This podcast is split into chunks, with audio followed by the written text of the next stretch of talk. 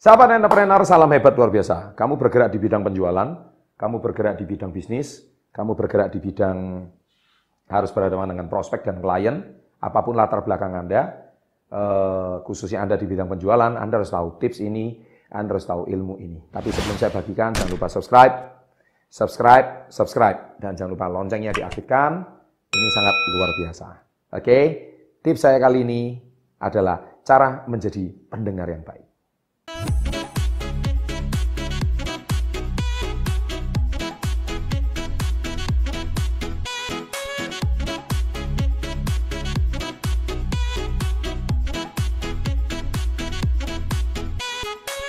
Nah, jadi gini ya, uh, kalau Anda hari ini bergerak di bidang customer service, Anda juga bergerak di bidang penjualan, di bidang insurance, di bidang MLM, Anda juga bergerak di bidang marketing property, Anda juga bergerak di bidang sales, Anda juga bergerak di bidang direct selling, whatever itu, karena intinya gini, nafas sebuah company itu adalah penjualan.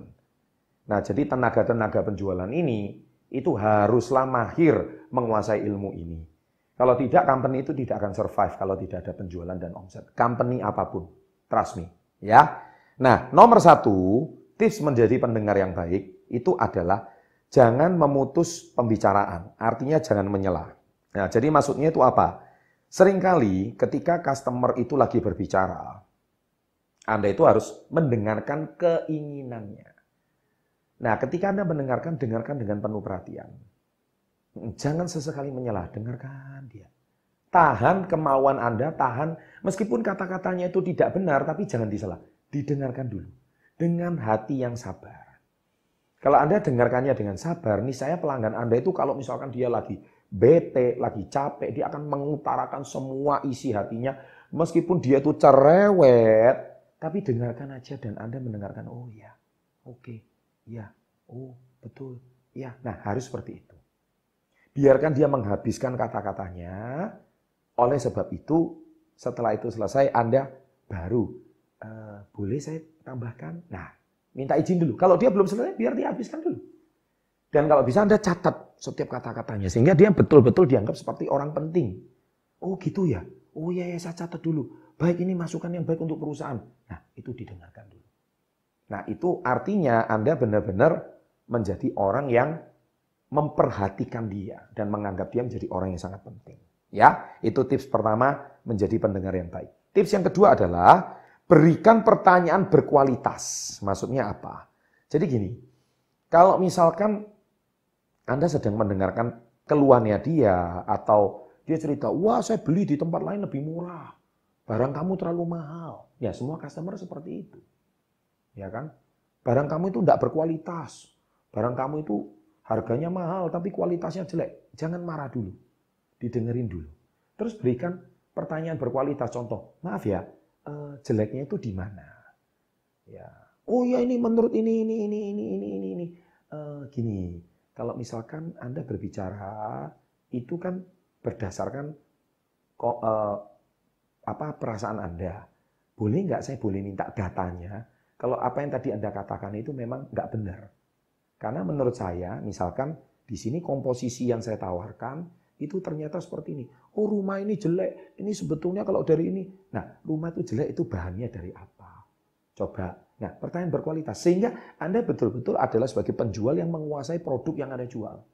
Ketika Anda dikomplain, Anda tahu ini data ngawur atau tidak. Ketika dia data ngawur, dia bicara bukan berdasarkan data, tapi dia berdasarkan perasaannya saja. Nah, berikan dia pertanyaan berkualitas. Ketika pertanyaan berkualitas bukan mau menyudutkan dia, tetapi pertanyaan itu tujuannya untuk meluruskan. Tetapi dengan bahasa yang sopan dan santun. Dan sebisa mungkin nadanya itu lembut.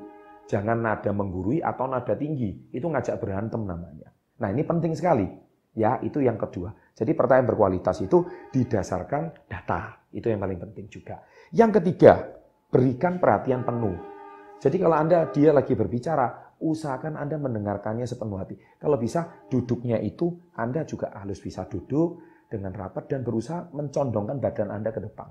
Kalau Anda menyondongkan badan ke depan, seolah-olah Anda betul-betul menganggap dia orang penting. Tapi kalau Anda duduknya seperti ini, dengan tangan dilipat seperti ini, dan mukanya seperti ini, itu menunjukkan Anda seperti udah nggak peduli sama dia.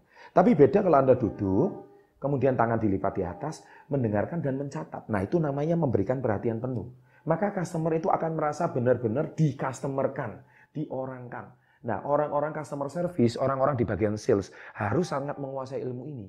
Kalau Anda nggak menguasai ilmu ini, besar kemungkinan customer Anda akan beralih ke tempat yang lain.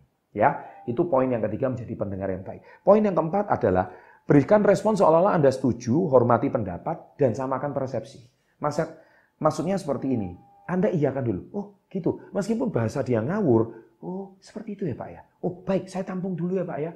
Oh, oh seperti itu Pak. Nah jadi Anda jangan, oh nggak bisa. Kamu salah. Kamu ngawur. Nggak bisa. Maka besar kemungkinan Anda bukan pendengar yang baik.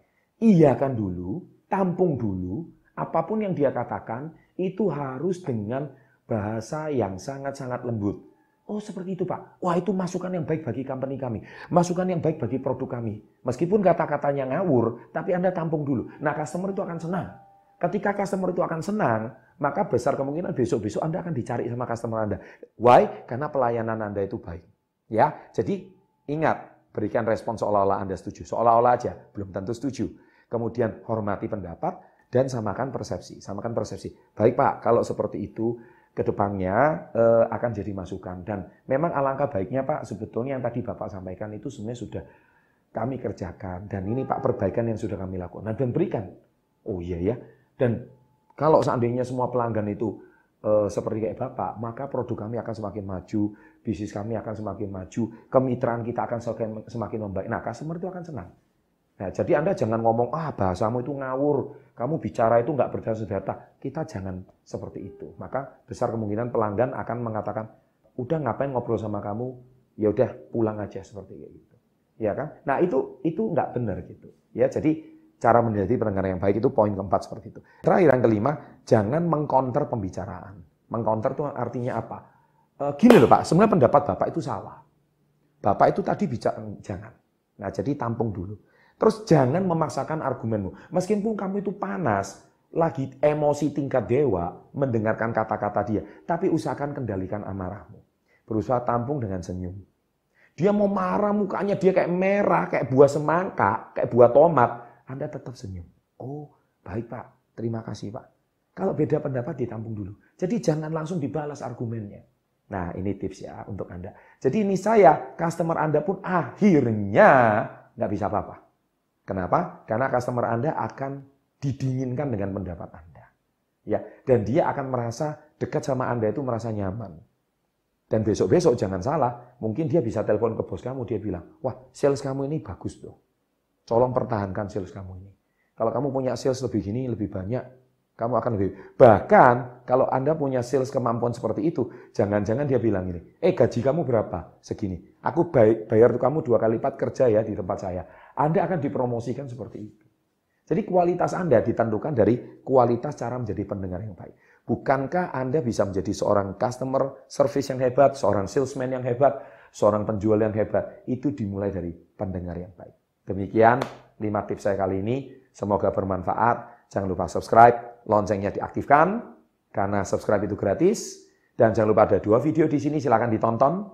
Dan Silakan komen di bawah kalau Anda punya pengalaman-pengalaman unik di bagian sales. Saya mau tunggu komen Anda, saya akan baca komen Anda.